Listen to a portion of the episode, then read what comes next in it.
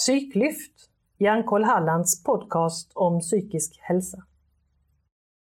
Hej! Välkomna till eh, det här avsnittet av Psyklyft, en podd från Hjärnkoll Halland. Jag heter Karina Torstensson och eh, idag ska vi presentera en av våra allra färskaste ambassadörer i Hjärnkoll Halland som heter Linda. Hej Linda! Hej! Välkommen till podden! Tack så mycket! Vill du börja med att berätta vem du är då? Ja, jag heter ju som sagt var då Linda, eh, Linda Grinvald och eh, jag är ju då nybliven hjärnkollsambassadör. Eh, det ska bli jättespännande det här. Mm. Vad, vad, alltså som hjärnkollambassadör så har man ju med sig en egen erfarenhet av psykisk ohälsa på något sätt. Mm. Hur ser din erfarenhet ut? Oj, jag har ganska mycket erfarenhet tyvärr, men mm. Eh, så är fallet. Jag har eh, eh, med mig sedan min barndom eh, sexuella övergrepp bland annat. Mm. Och hur det har påverkat mig i livet. Mm. Och det är mm, saker som jag har förstått eh, och lär mig om fortfarande faktiskt. Hur det har mm. påverkat mig och varför det har sett ut som det har gjort i mm. mitt liv. Um, så det, det, har jag med mig, bland mm. annat. Då. Och det mm. innefattar ganska mycket. Såklart. Mm. Hur gammal är du idag? Och hur länge sedan var det som du var utsatt för övergreppen? Du behöver inte säga din ålder om du inte vill, men hur länge sedan var det du var utsatt för övergrepp? Jag är ju 50 plus idag och jag var ju i, det var ju min barndom, alltså jag var ju, jag vet ju inte när det började, men ehm, de minnena jag har, då är jag ju runt eh, ett års, inte ettårsåldern, men alltså fem, sex. Mm. Och så uppåt då. Och det... Jag, ja, jag blir tonåring då. Ja. Och du sa, de minnena du har, det betyder att det kan ha börjat innan dess, innan du har några direkta minnen av det? Ja, mm. absolut. Ja, det, jag har, jag kan inte säga att jag har minnen av det, men, men eh, ändå fragment, alltså det är situationer som jag blir påmind om saker som jag inte riktigt kan ta på. Det är svårt mm. att säga, men, men eh, ja, det skulle kunna vara så, ja. Mm. Och upp i tonåren sa du, vad var det som eh, hände när det slutade?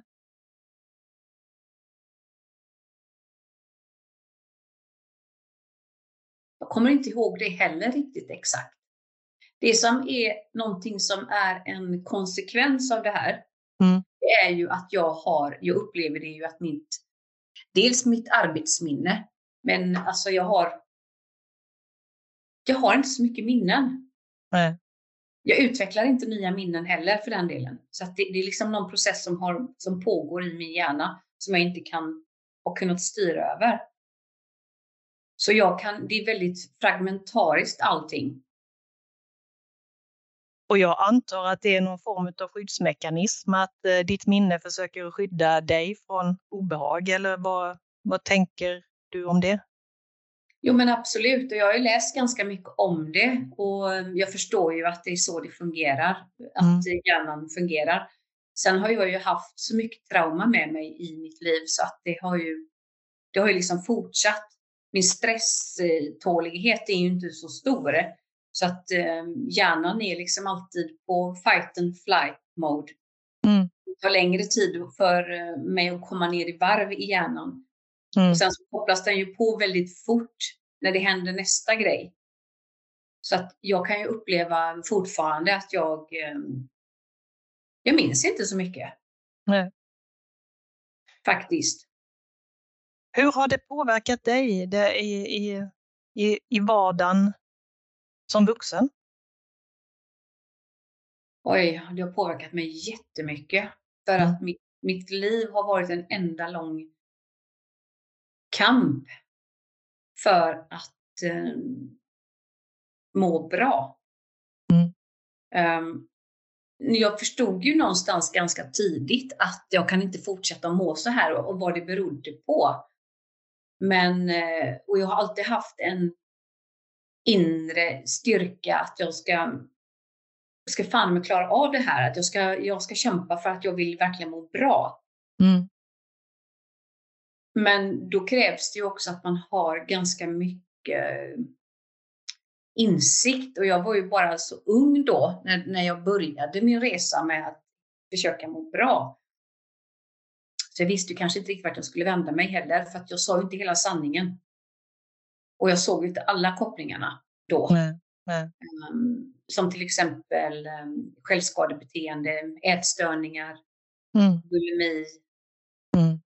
alltså massa sådana olika, ja, som hände och pågick i liksom fortfarande skulle jag vilja säga, fast inte det är aktivt. Mm. Det kanske är sånt som man bär med sig och som man får jobba med hela livet, tänker jag. Ja, för mig, alltså jag tänker så här, det är en livsprocess. Alltså att, att vara återhämtad, det är en livsprocess. Alltså det, det går inte, även om jag känner mig återhämtad ifrån väldigt mycket, så Mm. betyder inte det att jag bara kan lägga det åt sidan och så bara, nej men nu är jag färdig med det. Jag Nej. måste ju arbeta med det där hela tiden. Mm. Och som sagt, jag lär mig nya insikter hela tiden om varför, hur det har varit och varför det sett ut som det har gjort. Mm. Och um, jag tror att jag utvecklade en eh, personlighetsstörning på grund av trauma som jag har Mm. varit med om. Ehm, faktiskt. Emotionell instabil personlighetsstörning. Mm.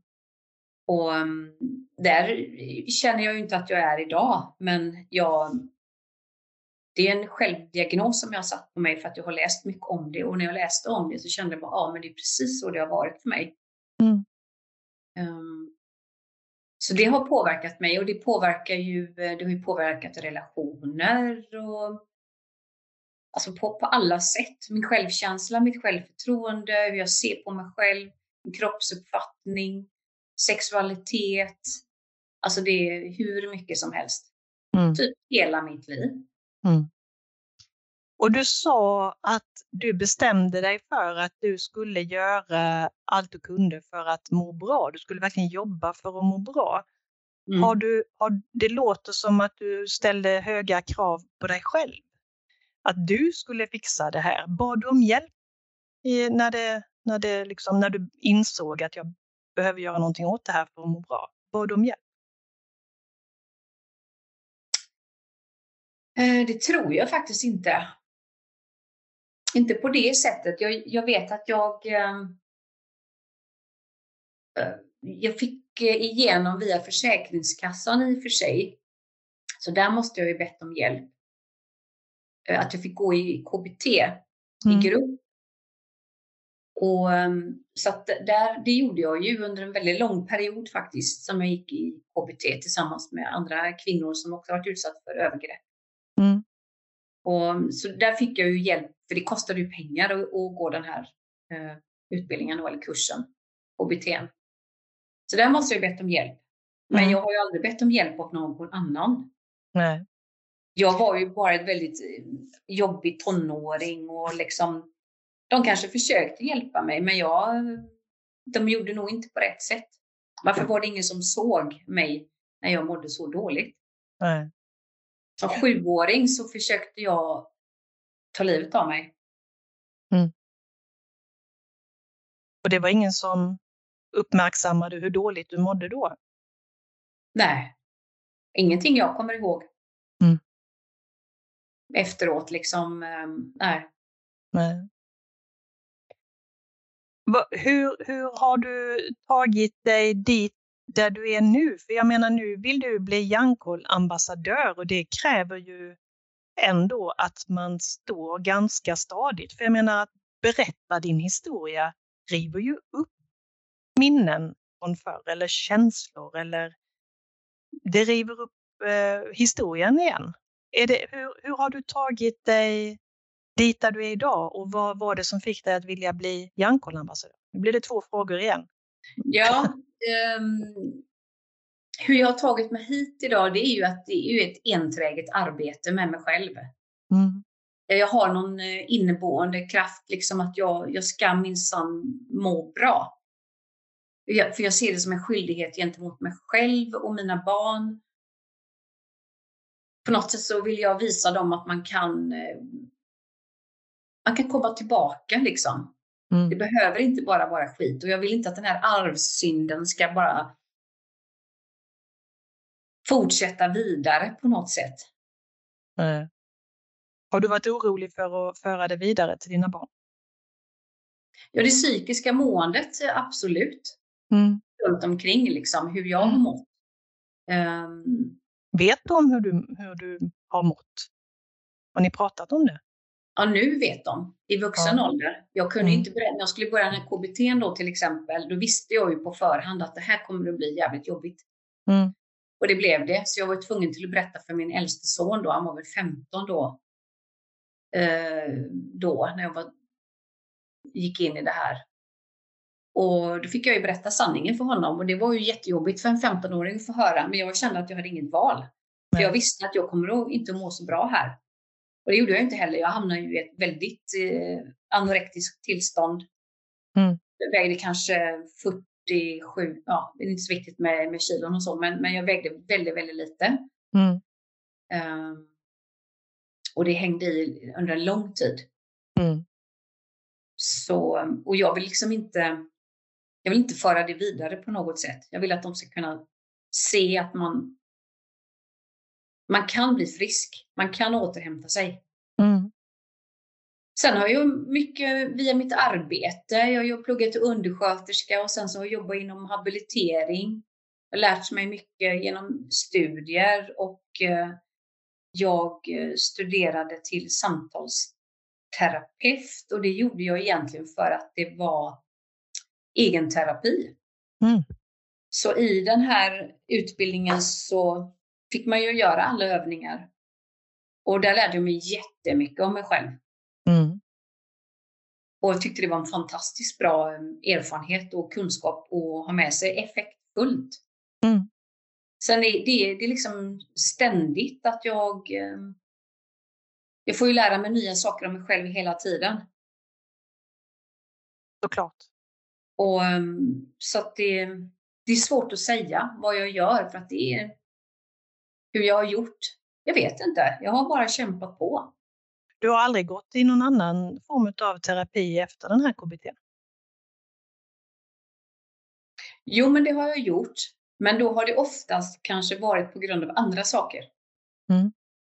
Runt omkring mitt liv som det har handlat om. Mm. Och inte så mycket om mig själv. Nej. Um, och sen har jag ju inte liksom kanske alltid berättat. För om jag har sökt till vården till exempelvis för att jag har, jag har ont i min kropp, jag har eh, en reumatisk sjukdom, så har inte jag suttit och berättat om mina sexuella övergrepp. Nej. Jag varit utsatt för. Men det, det, börjar jag ju förstå mer och mer idag, liksom, att det kanske är viktigt att börja prata om det där, att de vet det också. Um, så jag har inte alltid varit ärlig genom åren när jag har suttit på vården kanske du har kanske varit ärlig men inte sagt eh, hela sanningen. Ja. Mm. Så att de har ju kanske förstått att jag inte har mått så bra eh, psykiskt eh, alla gånger.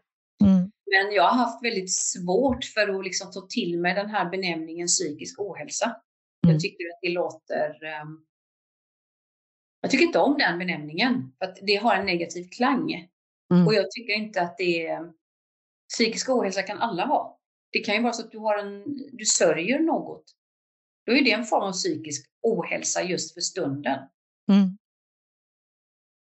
Um, så att jag har inte haft, jag har inte kunnat, jag har blivit förbannad när någon har sagt någonting sånt till mig. Mm. Så har jag bara liksom att det där, eh, det där stämmer inte. Nej, okej, okay, du slår dig ifrån dig. Och då är, det ju, då är det ju ännu mer intressant att du nu har valt att bli Hjärnkollambassadör som ju faktiskt är ett uppdrag som syftar till att minska stigma och, och den här känslan av att det är ett begrepp som man inte ska prata om eller som man inte vill höra talas om. Hur kommer det sig? Då blir jag ju jättenyfiken på det. Det som hände var att för cirka fem år sedan så tog min bonusson livet av sig. Och ehm, det har funnits i hans liv, så han är som mitt barn. Mm. Våra barn har vuxit upp ihop och sådär. Andreas var mitt barn. Och för fem år sedan så tog han livet av sig och det ställde ju allt, allt, allt, allt på sin spets. Mm. Och den, i den här sorgeprocessen som vi har gått igenom och går igenom så har det någonstans utvecklats till att jag faktiskt känner jag vill göra någonting och jag vill belysa det här med psykisk ohälsa. Alltså det har blivit väldigt viktigt för mig att eh, det är så vanligt och att mm. det inte är skamfyllt. För eh, att ha ett barn som mår psykiskt dåligt och kanske har en problematik av olika slag runt omkring sig, det är ju väldigt skamfyllt att prata om idag. Mm. Mm. Och det, det, är precis som att eh, man är dålig förälder om man har det så med sina barn. Så vågar man kanske inte be om hjälp för det och det tycker jag det är helt fel för det kan drabba precis vem som helst oavsett. Mm.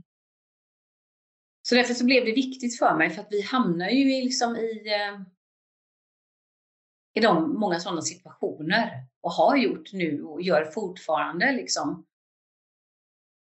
Men jag skäms inte för att prata om det idag.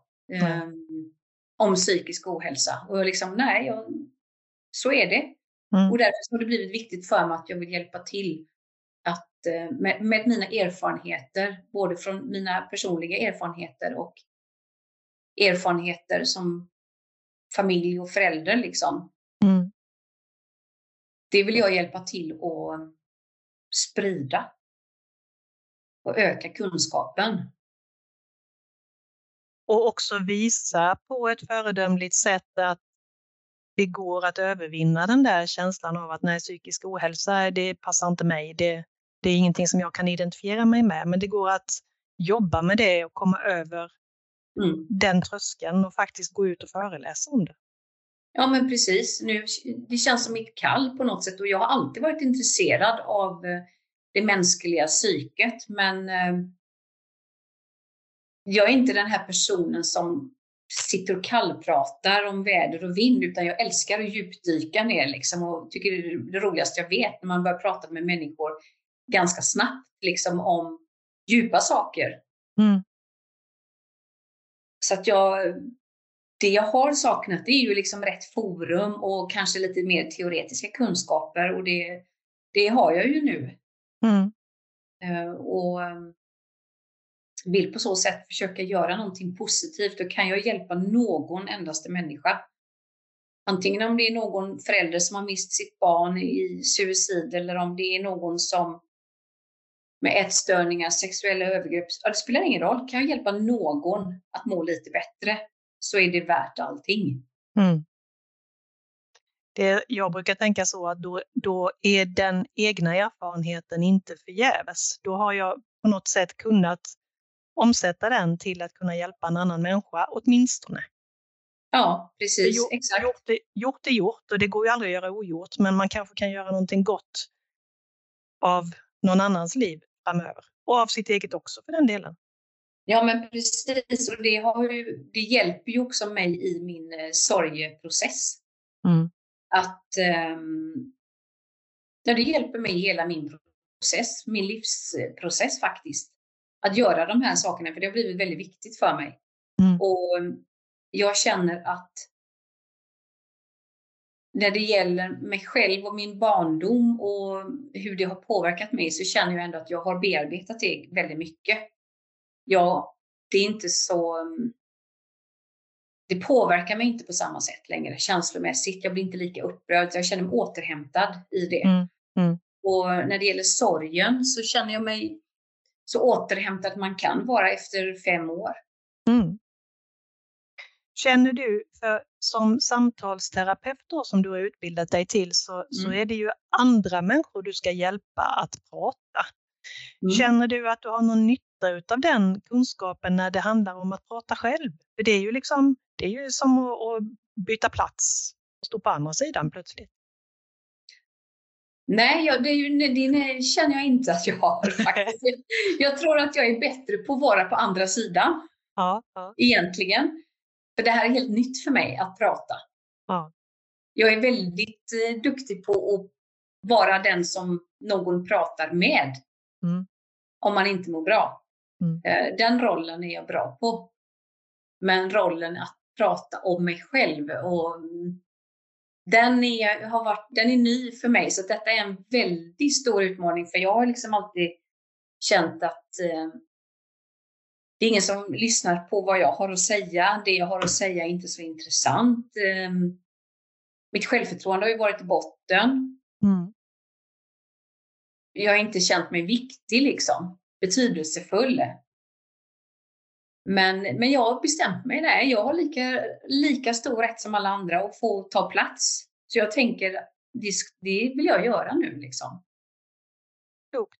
Och jag, jag tänker också att det är väldigt modigt att eh, ta klivet och göra någonting nytt. Och, Mm. och känna att det här är jag inte riktigt bekväm med. Men ta mig tusan ska jag göra det ändå. Ja. Mm. Det, det har blivit väldigt tydligt för mig, många saker. Att eh, Det känns helt onaturligt för mig egentligen att bara kasta mig ut i en sån här grej. För det, det, det är så olikt mig. Mm. Men samtidigt så känner jag som jag gillar den här personen. Jag gillar att det är lite så. Att ja, men, nej, men det är klart att jag ska testa det. Det känns som att jag känner mig läkt. Mm. Att jag, nej, men jag, har inte, jag har varit rädd för så himla mycket. Jag har haft eh, ångest för allt möjligt i mitt liv. Liksom. För jag har varit rädd att jag ska misslyckas, att jag inte ska duga. Så att jag har inte, det har varit med stor vånda allting. Mm. Men idag så känner man, nej, nej men det här, det blir nog bra. Ja, Och det är Och det blir- jätteskönt. och, det, och det, det som är så fantastiskt är att det blir det ju. Ja men precis, för jag, för jag kan känna att det värsta som kan hända har ju redan hänt. Mm. Exakt. Alltså det, det har redan hänt. Jag kan inte göra någonting. Jag måste försöka göra någonting. Jag måste försöka göra det så bra som möjligt ifrån den situationen som jag är i nu. Mm. Och du nämnde att du tänker att någon som har gått igenom liknande erfarenheter som du kan ha nytta av att höra din berättelse för att kanske förstå att man inte är ensam. Men finns det andra målgrupper som du tänker skulle ha nytta av att höra det du har att berätta? Ja, definitivt. Eh, skolpersonal, vårdpersonal, alltså det. Oh! Ja, jättemånga faktiskt. Mm. Har du lust att, och du har ju redan berättat väldigt mycket, men har du lust att dela någon sån här eh, konkret, lite mer konkret händelse som man kan få höra dig prata om i din föreläsning? Mm. Det kan jag göra. Ska vi se. Jag ska bara plocka fram mina anteckningar här. Nu letar Linda i Word-filerna. Eh.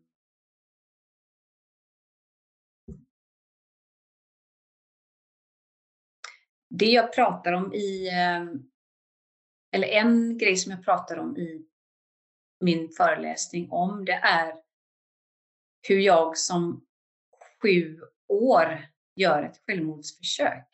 Mm. Och jag kommer att läsa till hur jag, vad jag har eh, skrivit här. Mm. Linda, sju år. Varför dricker en flicka medicin som står i ett skåp allra längst upp? Medicin som smakar skit, framför allt för ett barn så smakar det väldigt illa. Ändå väljer hon att kliva upp på diskbänken och öppna skåpet för att sträcka sig efter medicinflaskan som står där uppe på hyllan. Varför väljer hon att dricka upp den här flaskan om hon inte har bestämt sig för att hon vill dö? Mm. Det pratar jag om, bland annat. Starkt. Mm. Och du pratar om varför, vad, vad som ligger bakom detta. Får, får man något svar på varför eller blir det en obesvarad fråga?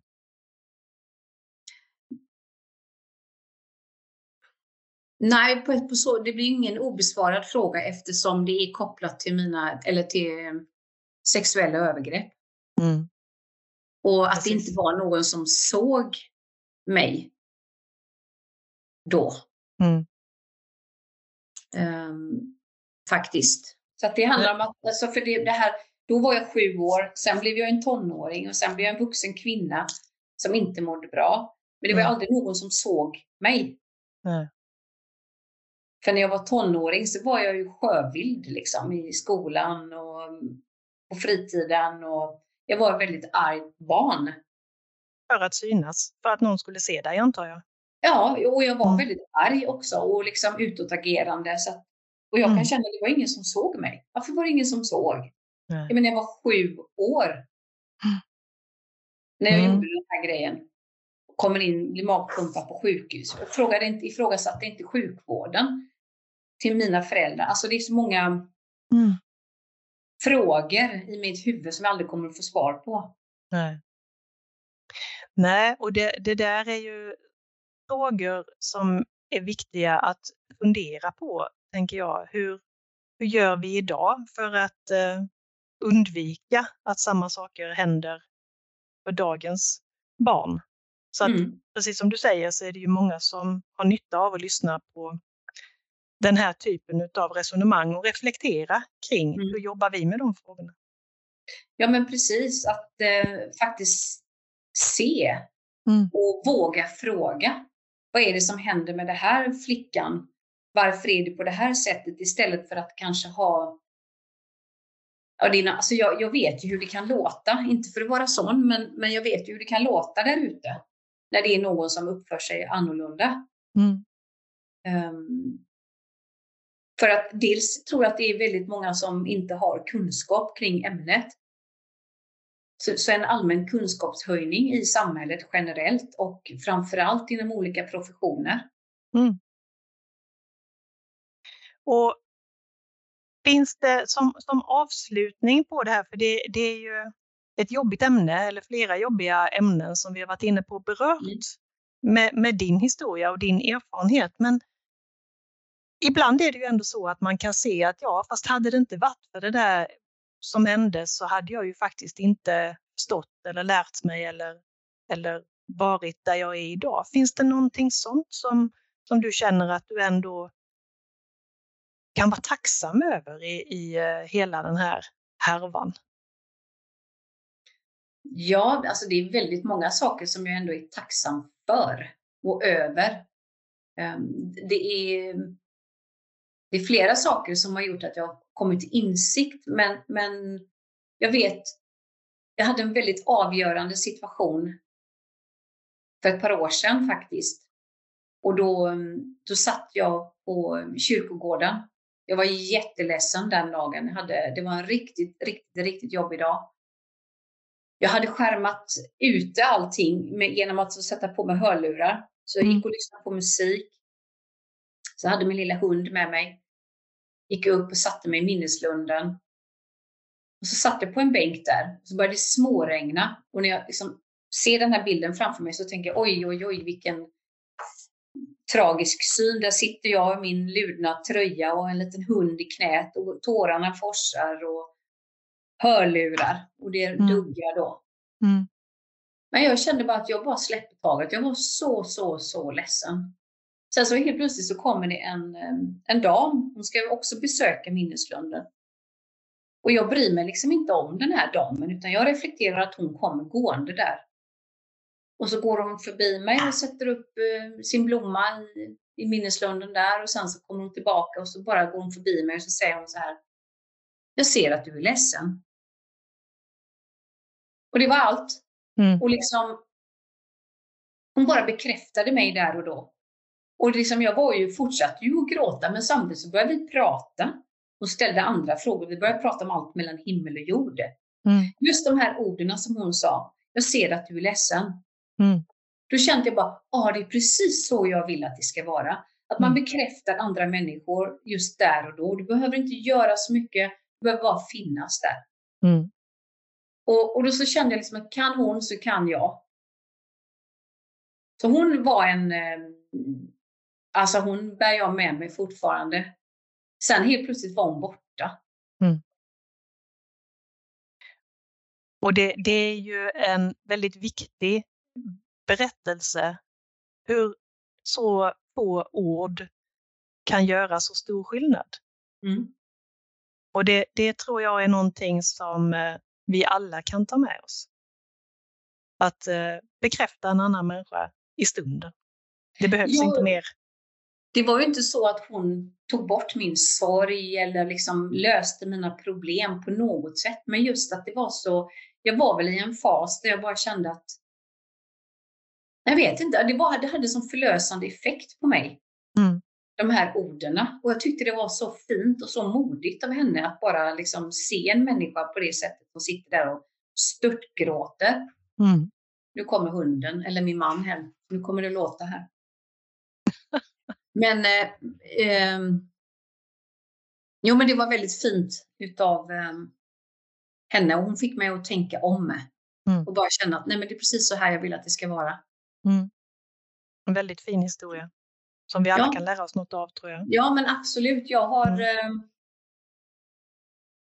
Ja, det har liksom blivit en... Eh, det är så jag själv vill vara. Mm. Mot andra. Mm. Jag ser dig. Finns det någonting avslutningsvis som du känner att eh, du vill lägga till i den här lilla introduktionen av dig som Hjärnkollambassadör? Um, nej. Inte vad jag kan komma på just nu. Nej. Vill man, vill man höra mer och, och veta mer, och det vill man ju, så får man boka in Linda som ambassadör till en Precis. föreläsning. Ja. Precis. Och det gör man på Hjärnkoll Halland. Eh, och där finns eh, Linda och där finns jag och där finns eh, våra andra fantastiska kollegor som alla har sina unika erfarenheter som kan passa i olika sammanhang. Så det kan jag verkligen rekommendera att ni gör. Boka in oss. Boka in oss. Välkommen i gänget Linda och tusen tack för att du tog dig tid att dela med din din introduktion eller presentation här i podden. Mm, tack så mycket för att jag fick vara med. Mm. Då eh, avrundar vi eh, dagens avsnitt där. Tack för idag och eh, vi hörs igen. Hej då! Hej då!